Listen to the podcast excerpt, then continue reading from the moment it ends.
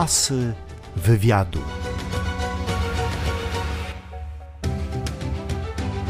Mój kolejny gość to Jan Kanty Pawluśkiewicz, jeden z najbardziej znanych w Polsce kompozytorów muzyki teatralnej i filmowej, twórca monumentalnych dzieł oratoryjno-kantowych, a ponadto pianista, wokalista, malarz, a z wykształcenia architekt. Urodził się pan w 1942 roku w Nowym Targu.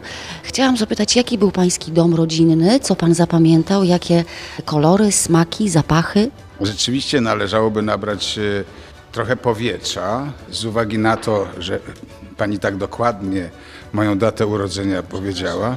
Nie, nie. To chciałem, e, żeby pani zechciała uwzględnić też, że mój rok urodzenia jest e, 590 lat później od założenia miasta Olsztyn. Miasto Olsztyn założono w 1347, więc wychodzi mi równo 595 lat po, po założeniu Olsztyna. Teraz to pan obliczył? nie, ponieważ jadąc do Olsztyna chciałem być przygotowany. Mój dom miał zapachy majowe. Myślę, że każdy dom, prawie każdy. Nie dlatego, że były piękne z okazji panowania Józefa Stalina, piękne pokazy pierwszomajowe. Nie z okazji.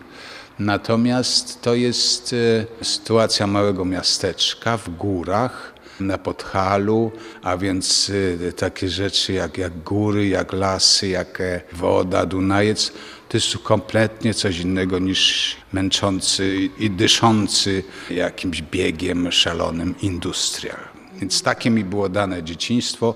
W Nowym Targu też zostałem poczęty najprawdopodobniej, jeśli chodzi o, o precyzyjne tutaj uwarunkowania. A te smaki domowe? Smaki domowe były pochodną tego niezwykłego miejsca. A więc jeśli maj, to, to są te zapachy jakiejś dziwnej herbaty, jakiejś dziwnej wody mineralnej, która się nie nazywała mineralną, tylko była wodą z Dunajca. Pływając, żeśmy popijali tą wodę i, i to było wspaniałe, a więc zapachy ogniska, zapachy ryb, zapachy ryb na ognisku, zapachy ziemniaków pieczonych, a więc to, co się kojarzy człowiekowi z takiego miejsca, które już nie istnieje właściwie, czyli coś, co jest miejscem wśród przyrody, niezwykłej przyrody, a więc trochę tak jak e, świat cygański, świat Romów, świat papuszy nie istnieje, o którym ona pięknie pisze. Do którego to filmu również skomponował pan muzykę? No filmu teraz aktualnie, ale kiedyś przed prawie już 20 laty do jej poezji, która mi właśnie przypomniała te zapachy, o które pani pyta, napisałem taki koncert, y, poemat symfoniczny Wielką Orkiestrę Symfoniczną i tak dalej. To był mój zachwyt y, osobisty papuszu, a więc, więc zapachy ziół przede wszystkim, a więc zapachy lasu, a więc zapachy tego zdyszanego młodego ciałka, które Hasało po górach, tak? E, Czy szkołę muzyczną kończył pan w Nowym Targu? Tak, z całą mocą chcę podkreślić, że z ogromnym trudem dwukrotnie mnie wydalano, ale ukończyłem. A czy to był pomysł, ta szkoła muzyczna rodziców, czy pan miał taki pomysł na siebie, na swoje życie? Rodziców absolutnie i to pod karą groźby. Nie przewidując rodzice, w którą stronę pójdziemy i, i zakładali, że podobnie jak moi trzej bracia, że możemy być skończonymi tumanami w przyszłości. Natomiast trzeba umieć języki obce i trzeba umieć grać na fortepianie, a żeby kiedyś przez przypadek znalazłszy się w jakimś salonie, oryginalnym bardziej lub mniej, umieć się zachować przy muzyce, być erudytą muzycznym i umieć się porozumiewać w językach obcych. To pierwsze jako tako spełniłem, ledwo kończąc tą szkołę muzyczną, a to drugie, mm, no czasem jak jest, nadarza się okazja, dyskretnie sygnalizuję, popisując się, że znam język łaciński. No. Panie Janie, a później była architektura, Wydział Architektury w Krakowie. Chciałam zapytać, w czasach młodości, w tych czasach, kiedy człowiek dokonuje wyborów życiowych, ciągnęło Pana do, do malarstwa, do architektury, do rysowania, czy górę wzięła muzyka? Architektura jest y, zawodem i przez stu- studiami zachwycającymi. Dlatego, że architektura u młodego człowieka wyzwala, że tak powiedzieć, zainteresowanie zarówno muzyką, malarstwem, rzeźbą, grafiką, liternictwem, architekturą przede wszystkim, też niezwykłą, historyczną architekturą świecką, sakralną i tak dalej, a więc coś, że to młody, młody człowiek po ukończeniu studiów architektonicznych, jak pokazują przykłady, może iść do szkoły filmowej, robić filmy jak pan Janusz Majewski czy Stefan Szlachtyż, może się zajmować literaturą jak Sławomir Mrożek, e, może się zajmować aktorstwem, może się zajmować malarstwem. Natomiast kiedy już zdałem architekturę, to zostałem już dowleczony do tego, że nie musiałem się przymuszać, tylko, tylko już mnie przymuszano, ale w tym łagodnym, poprzez rękę i, i niezwykłą wrażliwość wspaniałej profesor Krystyny Wróblewskiej z Wilna. Asy wywiadu.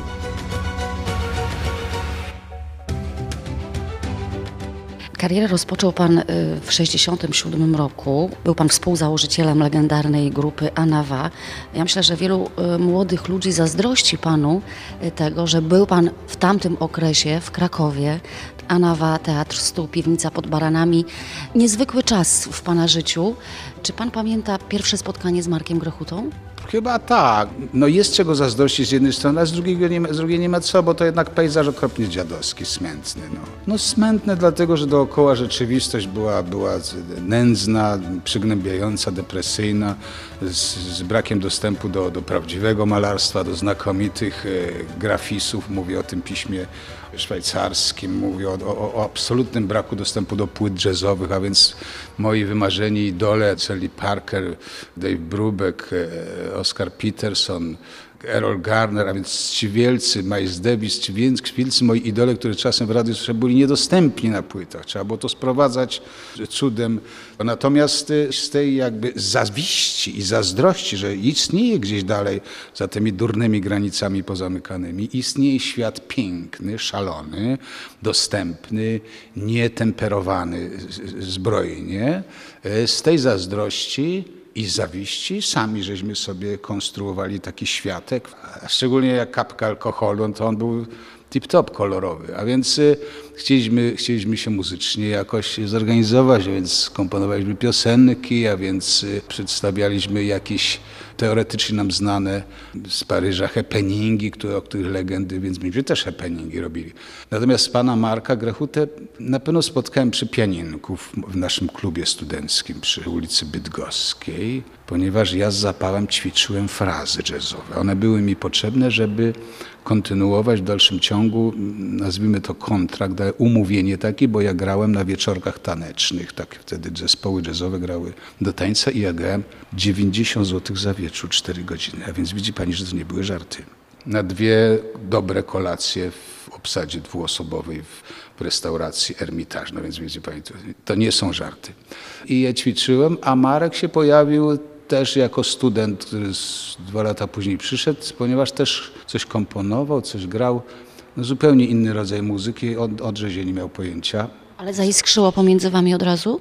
Nie, nie, nie, nie. Ja uważam, że to jest jakieś takie do niczego, co to, to do niczego niepodobne. To, co on, on pewnie o mnie to samo sądził, że, że to natomiast y, wraz z innymi przyjaciółmi założyliśmy ten kabarecik Anawa. No i były już teksty, były scenariusze, były wulgarne już y, frazy, które były przygotowywane do publicznej wiadomości. Jedna z nich polegała na tym, miała taką treść, że pisaliśmy na, na maszynie Remington, taka słynna firma. I jeden z naszych bohaterów, sztuki, którą żeśmy napisali, sztuka się nazywa księżycową Noc zimową, czyli w niewoli uczuć, ostry erotyk.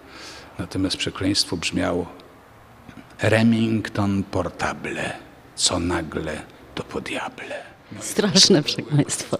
Bardzo rzeczy niecenzuralne. No i, no i w- przy tym pianinku żeśmy się poznali, ale brakowało nam wyraźnie kogoś, kto by śpiewał, bo w kabarecie trzeba śpiewać. A nie mieliśmy w, w naszym składzie dziewczyn, ponieważ nasze dziewczyny z architektury nie były tymi głupotami zainteresowane. Były ładne, ale one celowały wyżej. No i myśmy nie mieli do nich dostępu. Próby zaangażowania aktorek też na niczym spełzły, bo, bo, bo jeśli to radio wytrzyma, to kiedy chcieliśmy pozyskać aktorkę, która nam taka z pierwszego, drugiego roku, żeby grała żonę myśliwego w sztuce przez nas napisanej, ona przeczytała ten scenariusz, mówi, że jest taki sobie, natomiast jak ona może zagrać, jak ona, jak bohaterka jest w ciąży. No i wtedy mój przyjaciel wyskoczył zbyt pochopnie, że no wie pani, przecież takie rzeczy się robi w sposób bardzo prosty. Miał na myśli pracę scenografa. Ona się przelękła nas, że my już jesteśmy chyba zboczone i już nie przyszła nigdy do nas. I w związku z tym na wokalu stanął Marek Grechuta. Grechuta, a żonę myśliwego ja odstawiałem, e, skwapliwie przykrywając sobie zarost na twarzy. Asy wywiadu.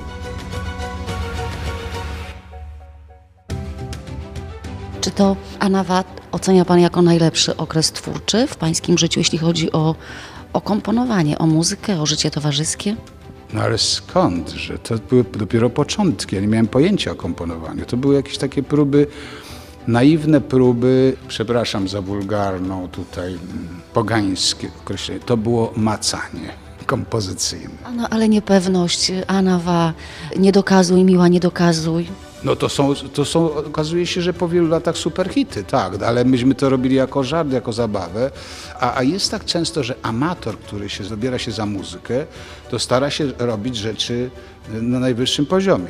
Proszę popatrzeć na przykład pana Karola Szymanowskiego. No amator, ale się starał, no i do czegoś doszedł. Z kolei Andersen miał ambicje pisać dramaty, y, powieści, a bajki pisał na marginesie, prawda? No ale za to dobrze to zrobił. Tak, tak, tak. No. Więc czasem jak się człowiek nadmie, to mu nie bardzo wychodzi. A to, co robi żartem i lekko, wychodzi. A więc to były próby. Jako kompozytor dopiero y, kilkadziesiąt lat później. Nie Szpory to jest prawdziwa kompozycja. Harfy Papuszy to jest prawdziwa kompozycja. Kwartet klarnetowy, który teraz piszę, to jest muzyka komponowana świadomie i oparta o moje doświadczenie i wiedzę na temat instrumentacji, skal, instrumentów i tak dalej. A tam to były melodie, które były w opozycji do powszechnie przyjętej estetyki i dlatego zwracały uwagę, A jaka była wtedy powszechnie przyjęta estetyka? jak to czerwono-czarni, czerwono-czarni, początki Czesław Wydziecki, znany jako Niemen, no i taka tandeta, no przepraszam bardzo, no to właśnie Jerzy Połomski, Rena Santor, to takie śpiewa. Oni teraz są dojrzałymi, wspaniałymi klasykami, ale to, to była taka Troszkę naśmiewaliście się z nich, rozumiem. w ogóle nie braliśmy ich pod uwagę. Więc coś, co wynika z takiego powszechnego, tłumowego za, zapotrzebowania. Myśmy starali się jednak to robić w sposób z jednej strony niekonwencjonalny, ale z drugiej strony naganny bardzo, ponieważ nie mieliśmy najmniejszych oporów, żeby sięgać do Leśmiana, żeby do Tuwima, do Gałczyńskiego, który już był w tradycji, ale wszystko no, do Przybosia, to bardzo trudne wiersze, do Wyspiańskiego. Taka nas po, poezja nas interesowała, przekaz tego typu poezji, a więc żeby być jakimikolwiek w jakimś procencie partnerami, to staraliśmy się bardzo, żeby te rzeczy były dopracowane, żeby były piękne, żeby uroda była i żeby nam się przede wszystkim podobały, no i dziewczynom, żeby się podobały. No właśnie, chciałam zapytać o to uwielbienie kobiet. Jak to było na koncertach? No obłęd, no szał, po prostu szał, tak, dziewczyny wyrzucały wszystkich facetów z pierwszych rzędów w naszym kabreciku. Pierwsze trzy rzędy zawsze były dziewczyny. Godzinę wcześniej przychodziły i, i patrzyły na Marka. A na Jana? Jan siedział w kącie i tylko zazdrościł. Chciałam zapytać jeszcze Pana o, o muzykę filmową. Skomponował Pan muzykę do bardzo, bardzo wielu filmów. Może wymieńmy kilka. Chleba naszego powszedniego, Traga Szpuchu, Wodzirej, Ćma, Gorączka, Pułkownik Kwiatkowski, e, wiele, wiele innych. Panie Janie, jak to jest? Czy Pan komponuje pod obraz? Musi Pan widzieć najpierw materiał, żeby powstała muzyka? Czy Pan zna wcześniej treść filmu? Jaka muzyka właśnie przychodzi do Pana podczas komponowania do filmów? Jak to się odbywa? Jak, jak ten proces wygląda? W początkach to naturalnie tak. Poznałem film od, z Tomkiem. Tomek Tomuś Zygadło, z którym pracowałem przez 20 lat i z którym wszystkie rzeczy robiłem i teatralne, i filmy, teatry i, i telewizję. Y, To poznawałem od samego początku, jeszcze scenariusz nie powstał, a myśmy już y, do, do, dobrze pili w, w Spatifie. Y, Więc potem scenariusz się pojawiał i na etapie scenariusza i rozmów peryferyjnych i potem wstępnego montażu i tak dalej, i tak dalej. Raz tylko można było oglądać, może dwa razy, bo to się łączyło z tym, że z Krakowa przyjeżdżałem do Łodzi, żeby oglądać film i potem już ten rodzaj zapotrzebowania, zamówienia wiozłem do Krakowa, przypominając sobie sceny filmowe. A teraz technologia jest genialna, ponieważ mam to na DVD, ale kiedyś e, nagrywałem e, muzykę do, do spektaklu poetyckiego i, i czas poświęcony e, nagraniu był dokładnie tym czasem, jaki poświęciłem komponowaniu. A więc po prostu włączyłem sobie wideo, włączyłem instrumenty, to wszystko było sprzężone i oglądając film grałem. I to i potem skończył się film, ja skończyłem grać i to był koniec mojej pracy.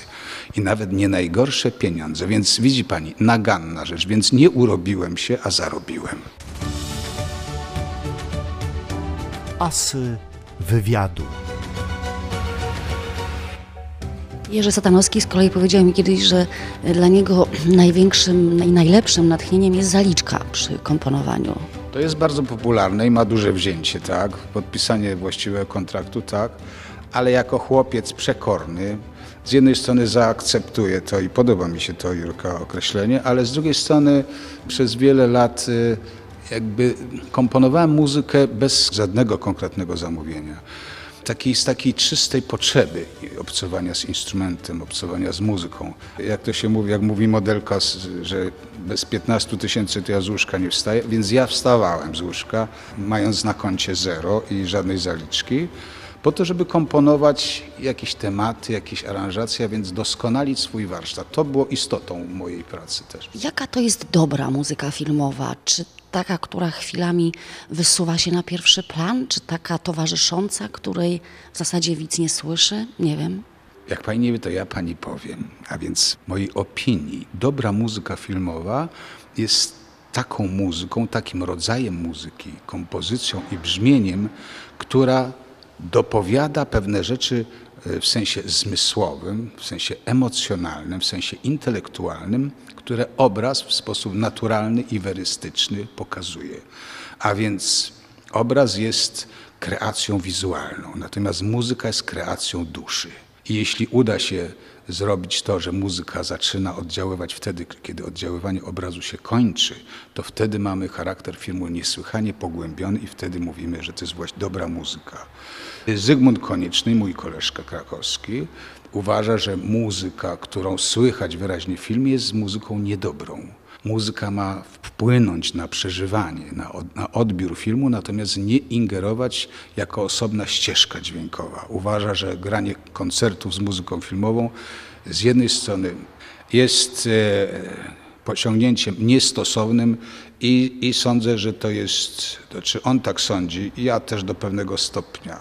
Myślę, że to jest raczej komercyjne odcinanie ogona, czyli granie muzyk, koncertu muzyki filmowej, no, dla, dla rozkoszy kinomanów, ale to chodzi nie o to, żeby stworzyć pewien rodzaj kreacji artystycznej i tak dalej. A dlaczego jest tak, że z niektórych filmów tę muzykę zapamiętujemy na całe życie, chociażby Wabank, tak mi do głowy teraz przyszło, a z niektórych kompletnie nie?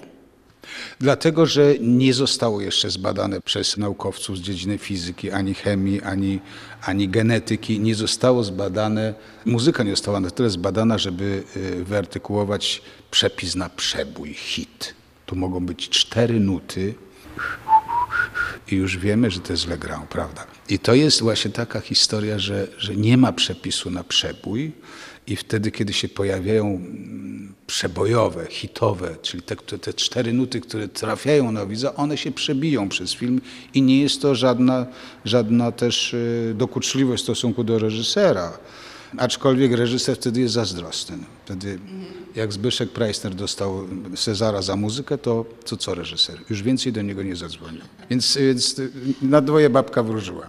A pańska ulubiona muzyka filmowa? Ja uważam, że najlepszą muzykę zrobiłem do Kuca, czyli do, do Zawróconego. To jest najlepsza muzyka filmowa. Oczywiście, że są takie, które, które tego, do pułkownika Kwiatkowskiego bardzo jestem przywiązany, do Agnieszki Holland, do mm, Kobiety Samotnej. Uważam, że dobra muzyka. Film taki był 10 lat, był gdzieś na półce, więc tak się rozszedł. Panie Janie, wystawa pańskich prac malarskich, no właśnie. Nie ma czasu, no. Wyczytałam, że to jest taka technika art żel. Żel art. Żel art, Tak, ponieważ na początku był żel, a z tego się zrobił art. czyli cienkopisy, dobrze rozumiem? No żel, żel, żel umieszczony w długopisach żelowych. No wymyślone w Indiach, skonstruowane w Japonii, sprzedawane przez Amerykanów i oni koszą tam za to. Natomiast ja to odkryłem lat temu 15. No jak mówiłem, architektura mnie oswoiła z rysunkiem, z rzeźbą, plastyką, malarstwem. Mam umiejętności porozumiewania się przy pomocy rysunku, barwy, mm, i tak dalej. Więc y, jak odkryłem żel, no to, mm, to myślałem, że, że tu jest jakieś pole do popisu. No i Tu jest jeszcze akwarela chyba. To są tylko akwarelowe, to są, to znaczy do, nie dokładnie akwarele, te taszystowskie plamy to, to są plamy z tuszu do pieczątek. Nie z wynikających zamiłowania do buchalterii, ale buchalterzy w dawnych czasach mieli dobre tusze. No ja te tusze, dobroć tych tuszy, do, korzystam z dobroci tych tuszy. To ma być szaleństwo e, buchalteryjne, a na tym ma być naniesiona perfekcyjnie jakaś spektakularna, jeśli się uda forma. Niektóre baśniowe. One wszystkie są baśniowe i realistyczne. A ile tam jest, proszę pani? W których ten seks? No po kolei. Ale dobrze, że pani tyłem siedzi, bo nie muszę pani pokazywać, bo tam już nie chodzi o skojarzenia, tylko to są po prostu formy współżycia między ludźmi. To znaczy nie tyle formy, to to, co jest istotą mm, miłości pomiędzy kobietą a mężczyzną. No i, i nie bardzo wnikliwy y, obserwator dostrzeże tutaj y, tego. Ale nie sądzę, żeby to było mainstreamowym zainteresowaniem. Ostatnie pytanie, czy pan chętnie rozstaje się ze swoimi pracami? No bardzo, co bardzo chętnie, jeśli, jeśli jest dobry kupiec. Natomiast jeszcze chętnie, aby ktoś ukradł. Bo to znaczy o tym, że, że ktoś tak tęskni i tak jest e, zaangażowany w chęć posiadania tych, że, że kradnie. No jakby rozbił kraty, wie pani, coś takiego, strop się zawalił, no to pani doskonale mnie rozumie, że to jest miód na moje uczucia.